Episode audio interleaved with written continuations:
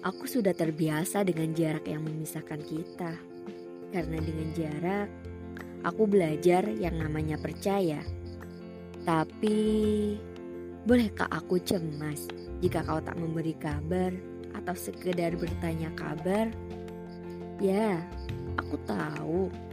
Kepala dua dalam masa mengejar mimpi untuk masa tua. Aku tahu kesibukanmu bagaimana. Tapi aku juga tahu kalau sehari ada 24 jam, seminggu ada tujuh hari.